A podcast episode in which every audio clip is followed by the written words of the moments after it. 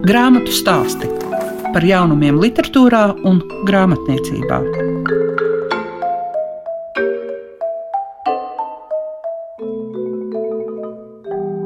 Sveicināti visi tie, kas šobrīd klausās grāmatu stāstus. Kopā ar jums Liega Piešiņa. Un mēs šodien gan atvērsim Arņa Koroševska lielais noliedzējs monogrāfiju, kas veltīta Andrejam upītim, bet sāksim ar Ingu Jērumu, ar teātri šūpulī. Ingas jārums lielā mīlestība ir teātris, un apgādā zvaigznā PC iznākušas viņas grāmatas par aktrisēm Ilzi Vazdiku, Regīnu Devīti, kā arī 2019. gadā tika publicēts darbs Teātra bērni. Grāmata, kura vēstīja par tiem teātra darbinieku bērniem, kas izvēlējušies citu dzīves ceļu nekā vecāki. Grāmatas stāstos klausieties par grāmatu ar teātri šūpulī. Grāmatu stāsti programmā Klasika.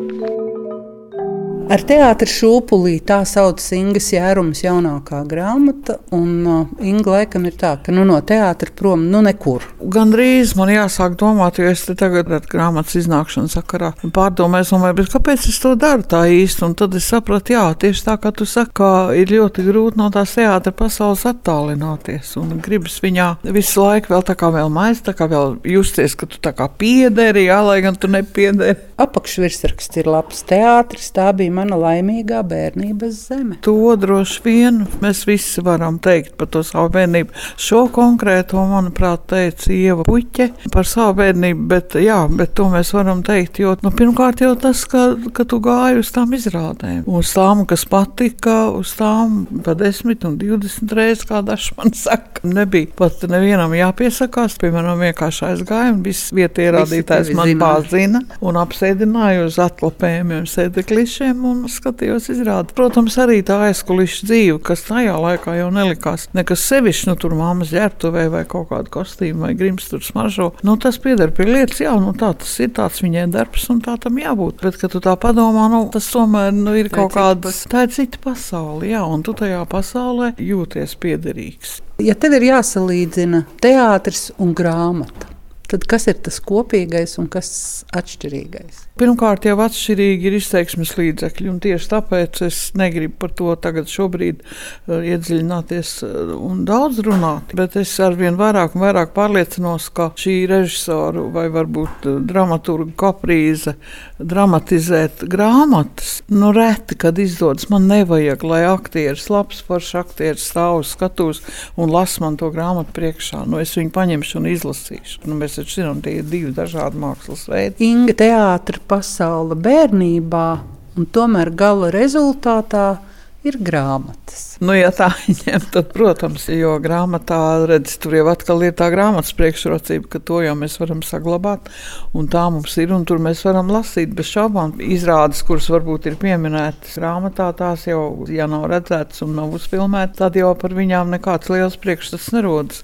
Bet par šiem aktieriem tomēr kaut kā saglabājas informācija par to, kāda viņi ir bijuši. Arī kā cilvēki, jo es jau rakstu galvenokārt pa dzīvi, mazāk profesionālās lietas par lomām un tam līdzīgi. Jo tas jau lai kritikai paliek, bet grāmatā tu to vari saglabāt. Tā tas ir un, un izrādes pazūd. Un galvenais, ka katra izrāde jau var nospēlēt pavisam savādāk. Grāmatu arī var izlasīt savādāk. Var izlasīt savādāk, bet nu, tomēr ne tik ļoti atšķirīgi. Tas nebūs nekad tik atšķirīgi. Kā ir ar tiem cilvēkiem, kuri pieder šai sugai, kuru vecāki ir aktieri un kur savu bērnību pavadīja teātrī. Kaut kas kopīgs jau visiem ir, lai gan tie stāsti ir atšķirīgi. Ir detaļas, kas ir kopīgas, visi atcerās smaržas, kā jau mēs visi atceramies. Visiem patīk rekvizītoru telpa, jo Grims. tur var visu kaut ko redzēt. Jā, meitenēm rotas lietas, mammas rotas lietas, kastītes. Kaut kāda tāda kopīga sajūta ir, un to man teica arī iepriekšējās grāmatas varoņi. Ka, lai gan mēs nedraudzējamies, nu tur jaunatnes teātra aktieri bērni, piemēram, mēs tā nu, nedraudzējamies savā starpā, neesam cieši kopā, bet mēs izjūtam viens otru, jo mēs zinām, ka tā dzīve mums ir bijusi ļoti, ļoti līdzīga būtībā. Ja tev jāiesaka viens no stāstiem vai pāris stāsti, kurus izlasīt vispirms, jo grāmata ir apjomīga, man ir grūti pateikt, man ir grūti kādu izcelt. protams, interesantas ir tie stāsti, kur darbojas trijās paudzēs. Kā piemēram, klētnieku ģimene, kur ir Karps un Vilda, kur ir Indra un Nauris, un tad nāk Kristīna klētniece. Nu, tur ir vairāk informācijas, tā informācija ir tāda plašāka un aptver lielāku laika posmu, vai, piemēram, arī Mezariņa Lilija sniedza Ieva Kepe, kā fantastiski vecmāmiņa mamma un meita. Visas trīs ir dziedājušas, un visām trijām ir bijusi viena loma - grāfiena Mārica un eh, Silva. Jau, kad tu to izlasi, tad liekas, jā, nu, kādas varbūt ģimenes relikvijas. Ja? Ar teātru šūpuli īstenībā tev iedod papīri to ziņu, un tu saproti, ka tev ir jau lemts tas liktenis teātrim, bet ir jau arī tās traģiskās lietas, kuras ir, kad ir jāiet prom no teātra. Kā tas ietekmē? Droši vien, ka gadījumi ir atšķirīgi. Ja tu ej projām no teātra jau cienījamā vecumā, ka tev būtībā paliek jau varbūt pa grūti strādāt. Tad bez šaubām tas ir vieglāk.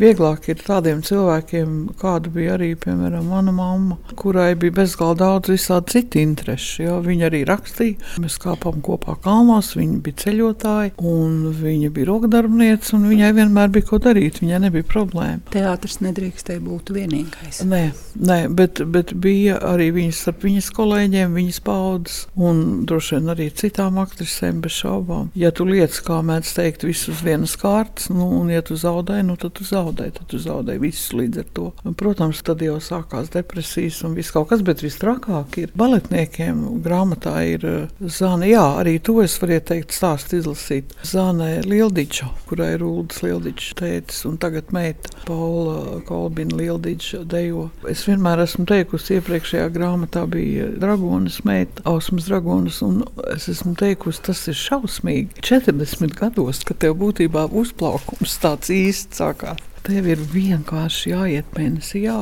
un tad ne jau viss ir choreogrāfi, ne jau viss ir baletmeistari vai pedagogi. Un tad, ko tu dari? Nu, šausmīgi būtībā. Vai šie stāsti turpināsies? Uh, nē, Kāpēc nē, es, nē? Tāpēc, es domāju, ka pietiek ar divām grāmatām. Tad, kad es uzrakstīju pirmo, es sapratu, ka es rakstīšu noteikti otro, bet trešo nē. Pirmkārt, nu, nevajag, vairāk nevajag. Tad atkal nav ko pārspīlēt, jo tiešām tad teiks, nu, labi. Nu, cik var par viņiem runāt.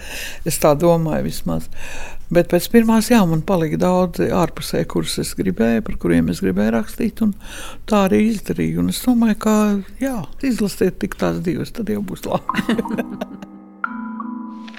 Grāmatu stāsti tiem, kam grāmatu lasīšana ir vērtība grāmatu stāsti šodien viesojas ne tikai pie Andreja Upīša, bet arī pie Arņa Karašauska, jo ir sērijā Es esmu iznākusi grāmata Lielais noliedzējs, kas man liekas ļoti daudzos cilvēkos rada mazvērtības kompleksu, jo ir apziņa par to, ka par literatūras vēsturi vēl zināšanu ir maz nepietiekami maz. Tajā pašā laikā ar pilnīgi fantastisku interesi saproti, ka tu vari ieiet dziļumā viena cilvēka personībā, piedāvām personībā, kas ir pretrunīga. Un viņa ir bijusi pretrunīga gan savas dzīves laikā, tad varbūt par to mazāk runāja. Toties nu, tagad, it sevišķi, kad mēs domājam diezgan daudz par padomu laika mantojumu, nu, šis jautājums man liekas, ka ir īstajā brīdī. Arni, Kā sākās interese un pētniecība par Andreju Upīti? Jo bija nu skaidrs zināms, ka nekas viegls tas nebūs. Varētu teikt, ka tā bija zināmā mērā nejaušība. Interesi par upīti radās studiju laikā, kad studēju literatūras zinātni. Literatūras vēstures kursā bija jāizvēlas autors, par kuriem rakstīt, un uz galda starp pēdējām biļetēm bija palikusi biļete par Andreju Upīti, kuru acīm redzot neviens cits negribēja izvēlēties. Un tajā mirklī man kā vidusskolu beigušam ar padziļinātu interesi par literatūru bija tomēr tas aprobežotais priekšstats par Andreju. Andreju Upīti, kā ļoti daudziem, ka tas ir zaļās zemes autors, sunu ciema zēnu autors, noveļu vēsturisko traģēdiju autors, bet es ieraudzīju Upīti no pilnīgi citas puses ar šiem viņa agrīnajiem naturālismu romāniem, kā Sieviete un Zelts, un šie darbi mani fascinēja, un tad es sāku padziļināt pētīt, ko tad vēl šis ražanais rakstnieks ir sarakstījis sava garā mūža laikā. Tā es netīšām varētu teikt nonācu arī darba gaitā šajā muzejā, kur nu, jau desmit gadus esmu nostrādājis. Un tad iekrita šī iespēja piedalīties šajā projektā, šajā romāna un monogrāfijas sērijā. Lielais noliedzējs. Kāpēc tāds nosaukums? Tā ir atsauce uz Andreja Upīša publikāciju Lielie noliedzēji, kura gan lasītāju lokam faktiski ir nezināma, jo šis raksts nekad nav ticis publicēts. To Upīts raksta 30. gadu sākumā, un tur viņš mēģina sevi sastatīt ar citu tautu rakstniekiem, kuri ir arī ar šo negatīvista pozīciju. Andrejam Upītam tas ir ļoti tipiski, varētu teikt, ka tas caurstrāvo gan viņa publicistiku, literatūru kritiku, gan arī viņa oriģinālu darbu darbus, jo viņš tiecas parādīt dažādas sociālas pretrunas, tiecas parādīt cilvēka negatīvās rakstura īpašības, dažādas cilvēka vājības. Un latviešu literatūrā viņš patiešām ir nu, viens no lielākajiem noliedzējiem. Vai ir vispār iespējams personību atdalīt radošo un politisko. Jo es domāju, ka arī tieši tāpēc katram tik noteikti attieksme pret Andreju Upīti. Tas ir ļoti labs jautājums un sarežģīts jautājums. Es domāju, ka te ir arī iespējams dažādas atbildes. Nu, pat pirms nedēļas tikāmies muzejā ar Māru Bērziņu, lai runātu par viņa jaunāko romānu Nākotnes kalējs, romāns par Vili Lāci. Un uh, Mārim bija patiesībā tāda ļoti laba ideja. Viņš man uh, sarunas laikā pajautāja, vai mēs par Lāci tagad runātu tik daudz, ja vien viņš nebūtu bijis ministru padomē. Kā tad mēs uz viņu skatītos ar visu to viņa literāro mantojumu. Un man liekas, ka tur ir tas moments, ja upīts ar tiem saviem sabiedriskajiem uzskatiem, izteikti kreisajiem uzskatiem, pie kuriem viņš nonāk jau pašā 20. gadsimta sākumā, un tas viņu ievērojami atšķir no daudziem citiem latviešu rakstniekiem, kuri kļūst kreisi tikai tad, kad tas jau ir tā teikt dzīves nepieciešamība. Dzīves un darba nepieciešamība, jā. Tas upīti ievērojami atšķir. Ja viņš būtu vienkārši pieturējies pie šiem uzskatiem savā publicistikā un daļradē, es domāju, ka mēs arī uz viņu mazliet citādāk skatītos, bet tomēr ir šie 30 padomju okupācijas gadi upīša dzīvē no 40. līdz pat 1970. kad viņš aiziet mūžībā. Ir arī šie politiskie amati, kuri gan ir pietiekami maz pētīti, un tādēļ arī šajā polemikā par upīšu personību vai tās piemiņas saglabāšanu mūsdienās mēs tik bieži nonākam pie abstraktiem pārmetumiem, ka upīša rokas grimst asinīs un ka viņš ir atbildīgs par tūkstošiem cilvēku likteņiem. Ja mēs sākam pētīt, tad atklājas, ka patiesībā šis jautājums nav tik viennozīmīgs. Jo, piemēram, 1919. gadā, padomju varas laikā, kad viņš ieņem šo amatu mākslas departamenta izglītības komisariātā, viņa darbība ir tikai saistīta ar kultūras nozari. Tātad, nu, būtībā viņš nepieņem nekādus politiskus lēmumus, kas vēlāk skartu cilvēku represijas. Un tas pats arī pēc 40. gada. Nu, būtībā tas, ko mēs upītim varam pārmest, ir šī traģiskā lapus Latvijas vēsturē, kad kopā ar delegāciju viņš dodas uz Maskavu, lai, kā tas tiek definēts, lūgtu Latvijas uzņemšanu Padomju Savienībā. Tālāk visa šī publicistiskā darbība padomju laikos, it sevišķi arī vēršanās pret trimdas autoriem, nu, kaut kādā ziņā mēs to varam nodēvēt par tādu literāru noziegumu. Un kā es vienmēr esmu teicis, principā, ja upīts būtu apstājies kaut kad ap otrā pasaules kara laiku vai uzreiz pēc kara, tad mēs viņu atcerētos kā rakstnieku, kurš ir arī tajos gados radījis izcilus literārus darbus, kā piemēram traģēdijas Spartaks vai romānu Zaļā zeme, bet diemžēl Lupīts neapstājās. Upīts tomēr ir savos izteikumos bijis pietiekami kategorisks, un es domāju, ka piemēram, mēs nespējam kaut vai piedot to, kā viņš izturējās pret Aspaziju, kur bija šī personiskā attieksme. No otras puses, ja mēs lūkojamies uz šīs dienas politiķiem, mēs pat gaidām šo personisko attieksmi. Kā tas savienojas? Šajā grāmatā, manuprāt, viena no tādām interesantākajām nodaļām, kas varētu patikt, vismaz es tā vēlētos domāt, varētu patikt vairākiem lasītājiem, ir nodaļa Atklāts draugs un slepens ienaidnieks, kurā es esmu mēģinājis parādīt upīšu un raiņa attiecības vairāku gadu, gadu desmitu garumā, un kā tās ir mainījušās un kādēļ tās ir mainījušās. Jo viena no pirmajām recenzijām, ko upīts vispār savā literatūra kritiskajā darbībā raksta, raksti ir tieši par Aspazijas dzīslu krājumu ap 1907. gadu, un tur upīts Aspazijai dzied slavas dziesmas, tobrīd vēl tādā savas jauneklības naivumā un varbūt romantizētajā pasaules skatījumā. Un ir skaidrs, ka tās savstarpējās attiecības starp cilvēkiem, starp upītu un viņu laika biedriem ļoti ir ietekmējusi tieši tā ideoloģija. Jo upīts literatūra arī pārdala tādās ļoti krasās kategorijās un principā romantiskā romantisms vai modernisms un tā tālāks sazarojums upītim ir nepieņemams, manuprāt ne tik daudz noteiktu māksliniecisku elementu dēļ, bet viņš uzstāja, ka šīs nav tās sabiedriskās mākslas atšķirībā no realisma, kas tad ir tas sabiedriskais. Un tās ir individuālās mākslas, un tādēļ vien viņas ir sliktas. Bet mēs ļoti bieži upīti varam pieķert dažādās pretrunās, no arī tajā, kā viņš ir šos darbus vērtējis vienā laika posmā. Piemēram, man ļoti patīk viņa literatūra kritiskā darbība 20.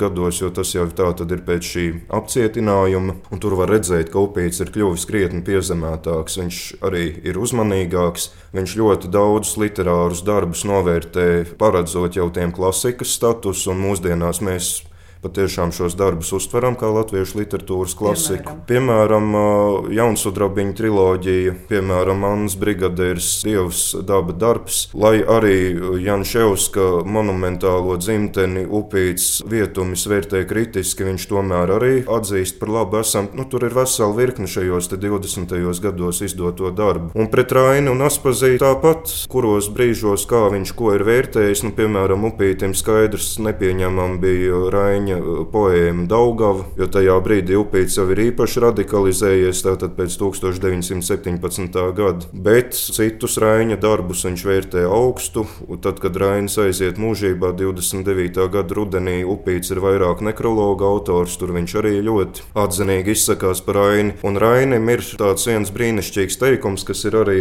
citēts un ierakstīts šajā monogrāfijā, kur viņš upīti nosauc par ērkšķaināko no visiem ērkšķainajiem cilvēkiem. Un patiesībā varu jums atklāt to, ko neesmu laikam nevienam citam stāstījis. Viens no agrīnajiem monogrāfijas iespējamajiem nosaukumiem bija tādā vai citādā veidā domāts, saistīts ar ērkšķiem no sākuma, varbūt vienkārši ērkšķis. Tad mēs vienu brīdi ar redaktoriem spriedām par rožu slepkavu. Nu, tā toties atsauc uz pašu upīšu novelistiku, bet nu, tas varbūt tā pārāk skarbi un drīzāk varbūt kādu kriminālu romānu nosaukumu atgādinātu. Bet rožu slepkava arī ir pārrakstīta un tādā oriģinālā veidā iekļaut šīs monogrāfijas tekstā, kā atkāpe, kurā parādīts tās plaisas, kuras upīts piedzīvo tātad padomu laikā, kad viņš pats arī saskars ar cenzūru, lai cik tas nebūtu ironiski, kad arī viņam neizdodas vairs realizēt tādu literatūras vēsturi, kādu viņš bija iecerējis, un kā būtībā tajos viņa pasaules uzskatos sāk rasties šīs plaisas, un tā kā tāds rožu slepkava dārznieks Franks Aršaliks upīšu novelē, kurš iznīcina savu ilgi kultivēto rožu kolekciju, tā upītas padomu laikā būtībā sāk iznīcināt latviešu literatūras mantojumu gan tiešā, gan pārnestā nozīmē un daudzējādā ziņā arī pats savu vārdu un cieņu. Un neapzinās to un neapzinās to. Upīts nekad tiešā tekstā nav pateicis, ka viņš būtu vīlies padomju iekārtā.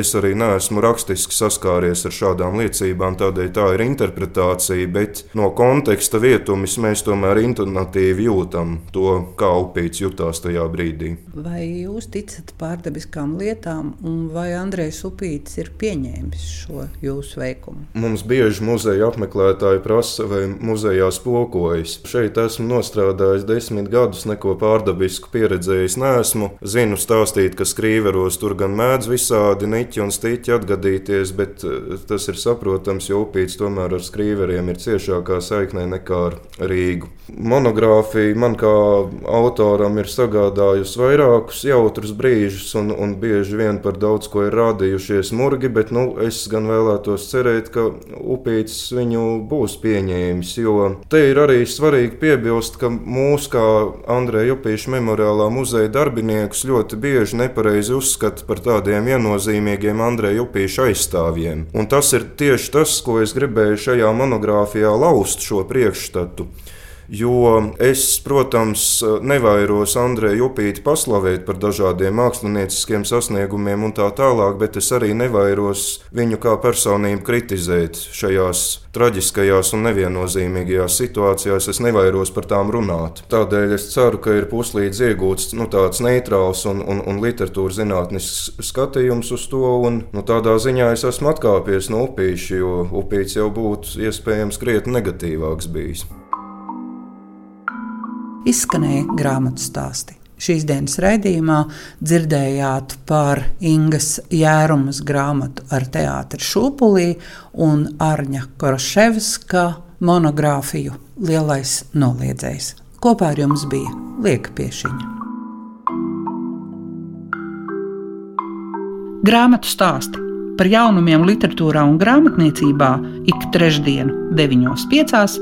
ar atkārtojumu Svētdien, 18.15.